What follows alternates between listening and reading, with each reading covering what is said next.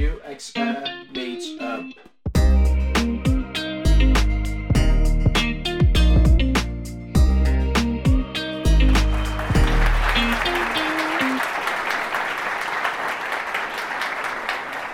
Çok teşekkürler. Herkese merhabalar. Bugün grupla konuştuğumuzda dedik ki hani ilk kez UX Minimal'e e, hakkında bir bilgi sahibi olmuştum. Birazcık anlattı arkadaşlar. Ve şu inanılmaz şaşırtıcı bir şey oldu benim için.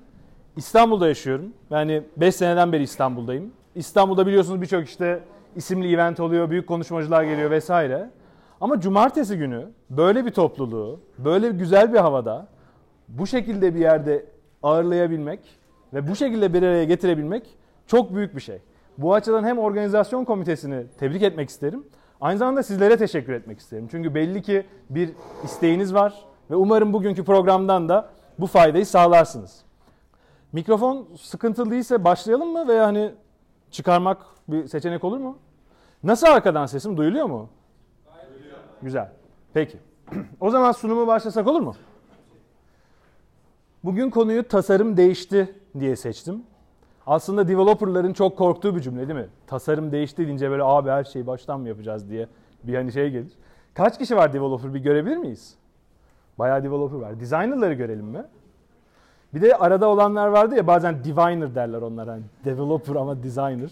Eskiden hani 1990'larda 2000'lerde webmaster derdik onlara işte böyle hani şey yaparlardı. Hani her şeyi onlar yaparlardı. Aslında bugün de birçok rol bazı şeyleri beraber yapıyor ve hani ortak bir şeyler üretmeye çalışıyor. Ama tasarım bizim bildiğimizden çok farklı şekilde uygulanıyor bugün. Çok çok geriye gittiğimizde aslında şunu görüyoruz. Biz doğduğumuzdan beri yani var olduğumuzdan beri insan ırkı olarak zaten tasarım yapıyoruz. En basitinden hani baya baya geriye gidecek olursak Göbekli Tepe hani milattan önce 10 bin yıl bir şekilde barınmak için, bir şekilde tapınmak için, bir şekilde insanları beraber getirebilmek için birileri bir şeyler tasarlamış ve daha sonra üretmiş. Bunu hani bir şekilde kurmuş. Daha sonra biraz daha akıllanmışız ve demişiz ki ya tamam barınak işini çözdük. Galiba bir de tapınıyoruz hani orada da bir ihtiyacı karşıladık gibi. O zaman biraz daha acaba efektif çalışabilir miyiz? Daha önce yapamadığımız şeyleri yapabilir miyiz diye düşünerekten bu sefer araç gereç yapmaya başlamışız. Kendi ihtiyacımızı belki biraz daha iyi çözebilmek için, belki daha önce çok zorlanarak yaptığımız, atıyorum öküz öldüreceğim, fil öldüreceğim, elimle öldürmek bunu çok zor. Acaba bir gereç yapsam bunu daha iyi yapabilir miyim? gibi çalışmaları kolaylaştırabilmek için. Kimi zaman da hani elimizde fazlası olan yiyecektir, şudur budur bu tür şeyleri saklayabilmek için bir şeyler tasarlamışız. Ve kendimiz için tasarlamışız. Fakat bir noktadan sonra bu ihtiyacımızı da karşılamışız. Barınacak bir yerimiz var. Belki tapınacak bir hani e, ortamımız var.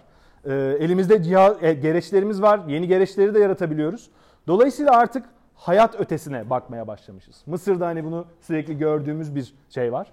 Artık hayat ötesi için büyük tasarımlar yapmaya başlamışız. Büyük mekanlar ve fizikselin ötesindekini de tasarlayabilen bir duruma gelmişiz. Burada aslında yavaş yavaş tasarımı birazcık daha özelleşen alana girmesinin başlangıcıdır diyebiliriz. Mimari alanda özellikle piramitlerin yapımı gibi. Daha sonra büyük bir e, uyanışla Rönesans'ta bir işi yapan kişiyle bir işi tasarlayan kişinin aslında ne kadar uyumlu çalışması gerektiğini, bir kısmının bu işin bir kısmının sanat, bir kısmının zanaat, bir kısmının hani politik işler, işte ne bileyim saraya veya işte bir lorda e, yaranayım da onun yanında çalışayım gibi aslında o üretimin, tasarımın, sanatın ne kadar iç içe olduğunu gösteren çok zengin bir süreçten geçmişiz. Bu noktadan sonra endüstriyel tasarımla bambaşka bir noktaya geliyoruz. Ki aslında bugün çoğu tasarımcı dediğimiz rolün doğuşu endüstriyel tasarımdır. Çünkü süreçler artık o kadar teknik ve o kadar kompleks hale gelmiş ki e, istenen hani insanların istediği ve yeni materyallerin yeni üretim bandını sağladığı şey o kadar hızlanmış ki eskiye göre tasarlayan kişi ile üreten kişi ayrılmış. Tasarlayanlar ayrı bir yerde özelleşmiş. Üretenler ayrı bir yerde özelleşmiş ve bugün aslında o tasarımcı dediğimiz e, ayrımın belki ilk farklı bir şekilde ayrı bir titre olarak, ayrı bir ünvan olarak oluştuğu yerden bahsediyoruz. Daha sonra maalesef 2. Dünya Savaşı gibi çok kötü bir durumdan geçmişiz ve e, insanlığın aslında elimizden ne kadar kolay kayabileceğini, ne kadar e, bizim için zor edilen şeylerin bir anda yıkılabileceğini görüp bu sefer daha kucaklayıcı bir yaklaşıma gelmişiz. Daha modernist bir tasarım, internasyonel yaklaşımlar, herkes için iyilik, kalkınma, belki geçmişten kopma, umut dolu bir zamanı atlamışız bu alanda. Ve daha sonra günümüze gelmişiz ve dijital tasarımla tanışmışız. Dijital tasarım, dijital deneyim tasarımı özellikle bizim için bazı şeyleri sıfırdan tanımlayan, bütün düşündüğümüz eskiden hani belli zümrelere tanımlı olan yaratıcılığı, belli zümrelere tanımlı olan işte o e, kapasiteyi herkese dağıtan, elinde cep telefonu olabilen, elinde herhangi küçük bir bilgisayar olabilen, bununla internete çıkabilen herkesin o global network'ün bir parçası olabilmesini sağlamışız. Ve aslında bu hani baştan anlattığımız süreç bizim için çok hızlı geliştirmiş. Şöyle aşağıdan gösterecek olursak, bakın milattan önce 10 binden başlıyorum 2018'e kadar. Hatta bir sene daha ekleyelim 2019 olsun. Şimdi dedik yani şey yapıyoruz bu dijital e, anı yaşıyoruz diye. Bütün bu skalaya baktığımızda bilgisayarlar sadece şu kadar boyutta. Küçücük. Çok yeni daha. Yine hani endüstriyel tasarım, endüstriyel devrimden bahsettik. Bütün hani dünyanın üretim yaklaşımını değiştirdiğini bahsettik. O şurada ve şu kadar. Bu hani şey ölçekli çizilmiş bir şey. Fakat bu kadar kısa zamanda, bu kadar yakınımızda olmasına rağmen bizim hayatımızı çok temelden değiştiren çok ikonik çıktılar vermişiz. O da artık hani insanlığımızdan gurur duymamız mı gerekir? Hani öyle mi demek lazım? Böyle bir çalışma olmuş. Bir iki tane hani aklıma gelen örnek paylaşayım size. Letera 32 bu hani Olivetti'nin daktilolarından bir tanesi. Yaş testi kullanan var mı? Kullanmış olan var mı? Daktilo kullanmış olan var mı? Daktilo kullanmış olan var değil mi? Olivetti'nin en büyük özelliği eskiden iş hani işin sıkıcı, belli bir yere bağlı ve hiç yaratıcı olmadığını gösteren bir akımın tam tersini iddia etmesi. Olivetti mesela şey yapıyor. Daktilolarını ve hani iş makinelerini gösterilmek için mağazalar açıyor. Uzun uzun masalarda bunları hani gösteriyor insanlar deneyebilsin diye. Çıkarabildiniz mi? Hani başka şirket kim yapıyor bunu? Apple Store yapıyor. Dolayısıyla canlı bir hayata, yeni bir umutla ki bunu iş makinesi gibi bir şeye bağdaştırabilen nefis bir tasarım ürünü aslında Olivetti'nin çıktıları. Özellikle daktiloları. Yine benzer bir şekilde Eames Chair. Ya Ankara'da özellikle ODTÜ'ye bu kadar yakın bu öyle şeyler konuşulmaz ama herkes biliyordur diye tahmin ediyorum Eames Chair'ı. Ee, bu Amerikan üretimi ve Amerikan hayat tarzını yepyeniden tanımlamanın hani mihenk taşı denilebilecek bir tasarım. Bir taraftan inanılmaz bir endüstriyel tasarım ürünü. Çünkü lüksü seri bir şekilde herkese dağıtabiliyorsunuz. Ama aynı zamanda kullanılan materyaller o kadar eskiye saygıyı gösteriyor ki inanılmaz bir füzyon yeni bir çağ için. Aynı şekilde Dieter Rams'ın Brown için yaptığı tasarımlar. Şimdi diyeceksiniz ki çok hoş, çok sade vesaire ama o zaman için iki tane özelliği var. Kötüsünü söyleyeyim, bu ürünler çok başarısız olmuş zamanında. Çünkü zamanının çok ilerisinde. Zamanının ilerisinde olmasının sebebi de şu. Elektronik diye yeni bir materyal var. Yeni bir hani radyo diye yeni bir olgu var. Dolayısıyla o zamana kadar işte ne bileyim sandalyenin kulpudur, bilmem nenin işte lever'ıdır. Bu tür şeyler yerine artık elektronik, görünmeyen, havadan gelen ve yepyeni bir hani cihaza e, formundan bağımsız olarak bir fonksiyon yükleyen bir kapasitenin yönetimini sağlamış. Brown'un, e, Dieter Rams'ın bu kadar net tasarımları. Ki hani biliyorsunuz Apple'ın da kendi tasarım diline e, çok haklı olarak ilham veren çok güzel başlangıçlar Dieter Rams'ın e, tasarımları. Sadece hani şey obje olarak düşünmemek lazım. Bunun yanında şöyle bir şey daha geçeyim. Mini.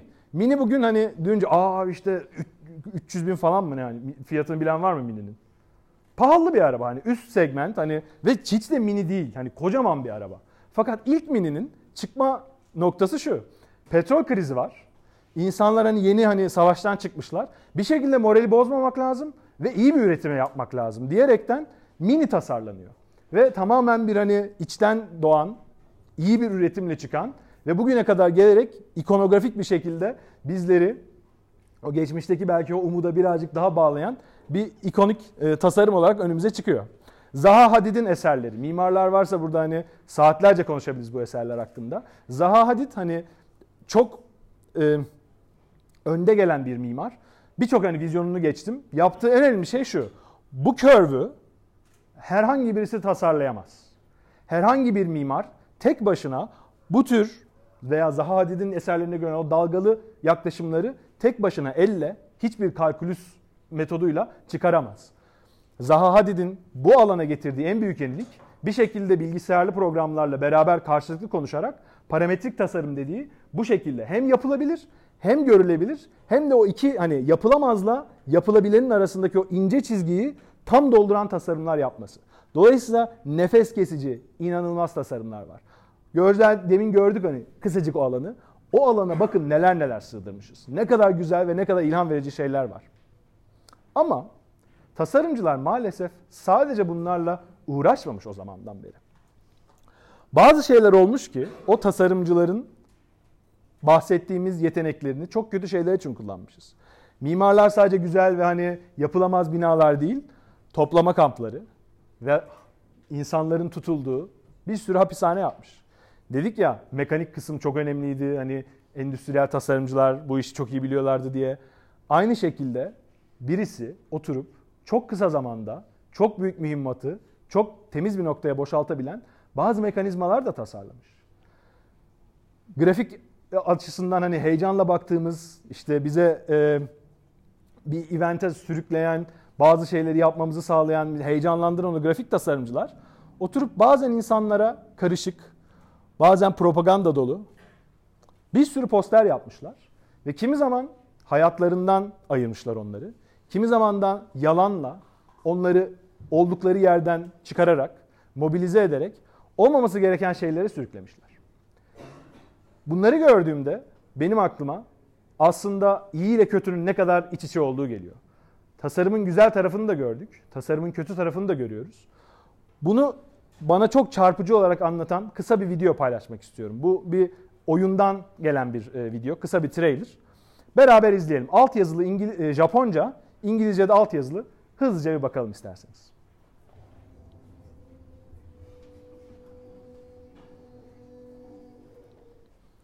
Özetle savaş değişti diyor videoda. Diyor ki savaşın hayatı hayasızca sömürmesi artık kabullenilmiş tıkır tıkır işleyen bir gelir kaynağı oldu. Ve beni şaşırtan şey şu. Bu anlatımda anlattığı her şeyi bugün tasarımla yapıyoruz. Diyoruz ki fişlenmiş askerler, fişlenmiş silahlar, fişlenmiş araçlar, genetik kontrol, bilgiyi kontrol, duyguyu kontrol, sahayı kontrol. Her şey izleniyor ve her şey kontrol altında. Ben uzun süren beri tasarımcılarla beraber çalışıyorum. 2000 yılında ilk tasarım eğitimimi aldım. Ve bu anlattıklarımızın hiçbirisi bize okulda gösterilmedi. Hiç kimse bize büyüyünce, tasarımcı olunca, büyük büyük şirketlerle çalışınca, milyonlarca kişiye release yaptığınızda bunları yapıyor olacaksınız demedi. Dolayısıyla belki acıdır ama bizim için tasarım değişti. Ve bu bu kadar basit bir şey değil. Anlattığımızda her şeyin kötü, her şeyin iyi olacağı, keşke yani öyle bir dünyada olsak. Desek ki şunlar iyi, şunlar kötü. İmrendiğimiz birçok şirket var.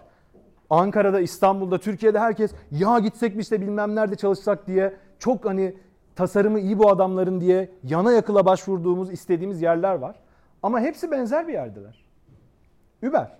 Bir ara hani çok popüler düştü. Bilmem nenin Uber'i olmak. Abi yemek sepeti bilmem nenin Uber'i olmuş. Değil mi?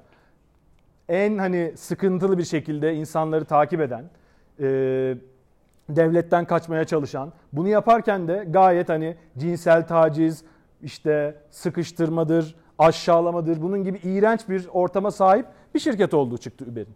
Dolayısıyla gerçekten böyle bir şirkette nasıl bir tasarımcı olarak çalışabiliriz? Apple. Diyoruz ki Apple işte her şeyi değiştirdi. Değiştirdi mi? Değiştirdi.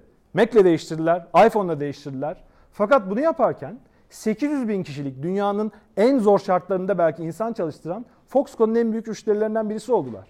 Dolayısıyla dünyayı değiştiriyorlar ama bir taraftan bazı şeyleri iyi yaparken acaba bazı şeyleri kötü mü yapıyorlar diye düşünmeden edemiyoruz. Hep duyduğumuz ve hani e, önümüze çıkan başka bir örnek var. Facebook. 2004 yılında yanlış hatırlamıyorsam ilk çıktıklarında şey, aa dünyaya bir şey yapıyoruz işte sharing, işte social platform vesaire vesaire. Bu sene yaptıkları en büyük şey Amerika toplumundaki büyük değişimin en büyük ayaklarından bir tanesi Facebook oldu. Nasıl yapıyorlar bunu? Bileniniz var mı? Facebook'ta çalışan tasarımcıların %60'ı ad platformlarında çalışıyormuş. Dolayısıyla birisine bizim bilgilerimizi, şu 98 bilgiyi paketleyip satıp, hedefleyip bunun üzerinden para kazanmak için çalışan bir organizasyon Facebook.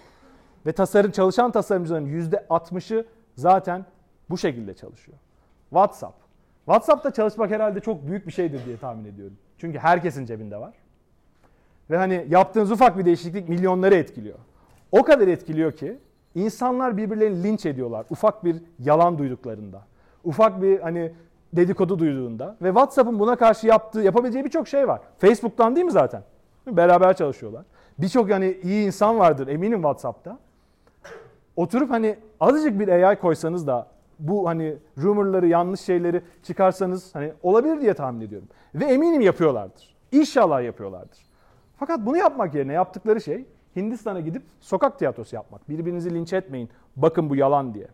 Daha iyisini yapabilirken bunu neden yaptıklarını sorgulamadan maalesef edemiyorum.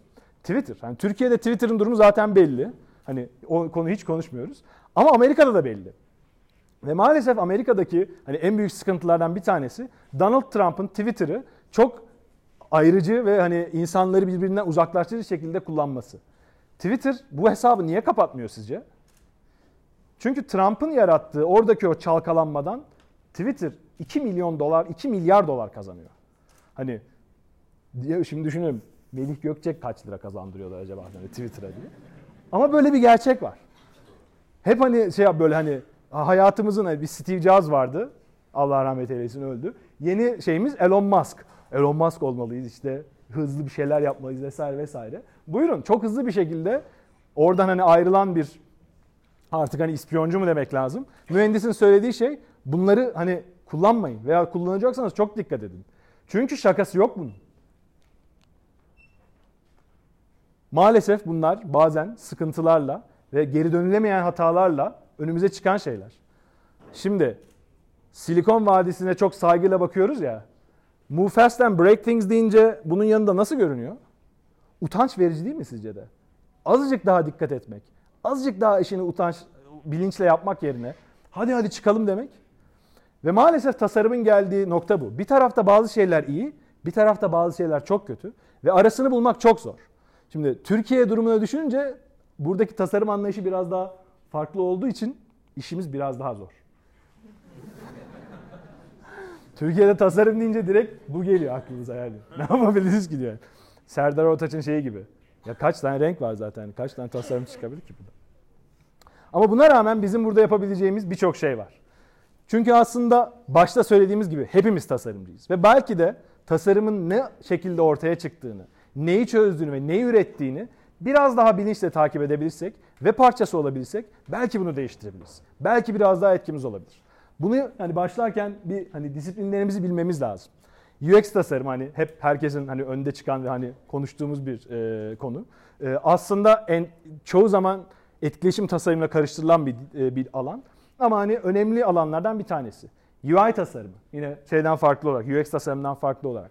Ee, daha farklı bir disiplin, daha farklı bir işlerle ilgileniyor ve yaptığı ve sonuçta elde ettiği şey çok farklı. Servis tasarımı belki hani çok sık görmediğimiz bu alanlarda bir e, şey, bir yaklaşım.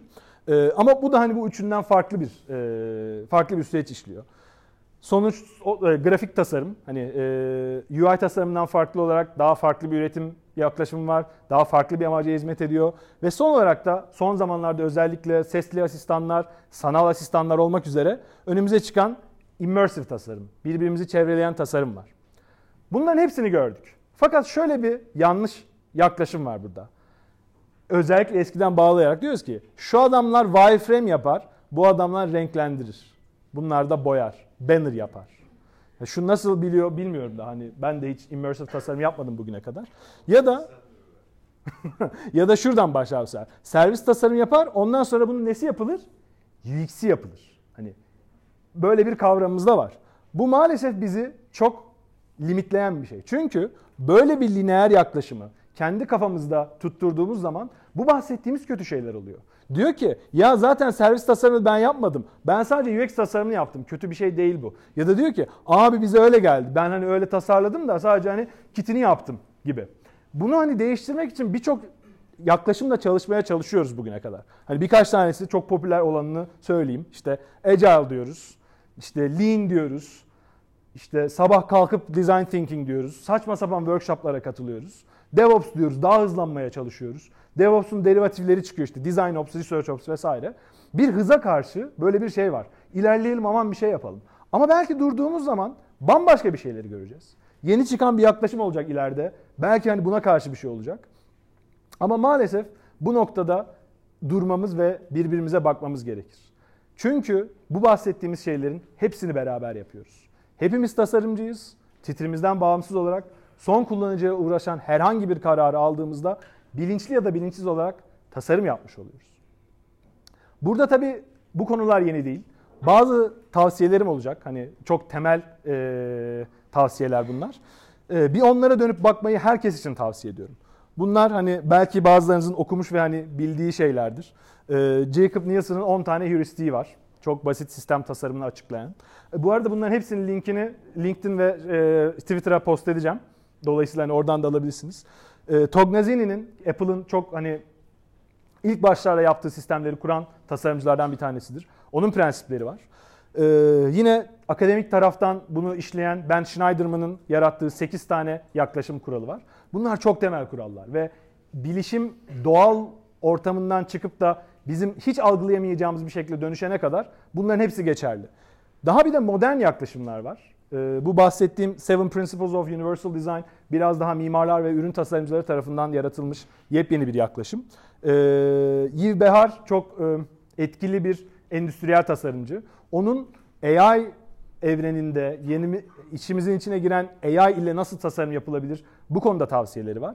Ve en sonunda hiçbirini okumasanız bile en sonunda mutlaka okuyun diyeceğim Mike Montero'nun etik yaklaşımını özetleyen bir 10 e, maddelik bir yaklaşım var.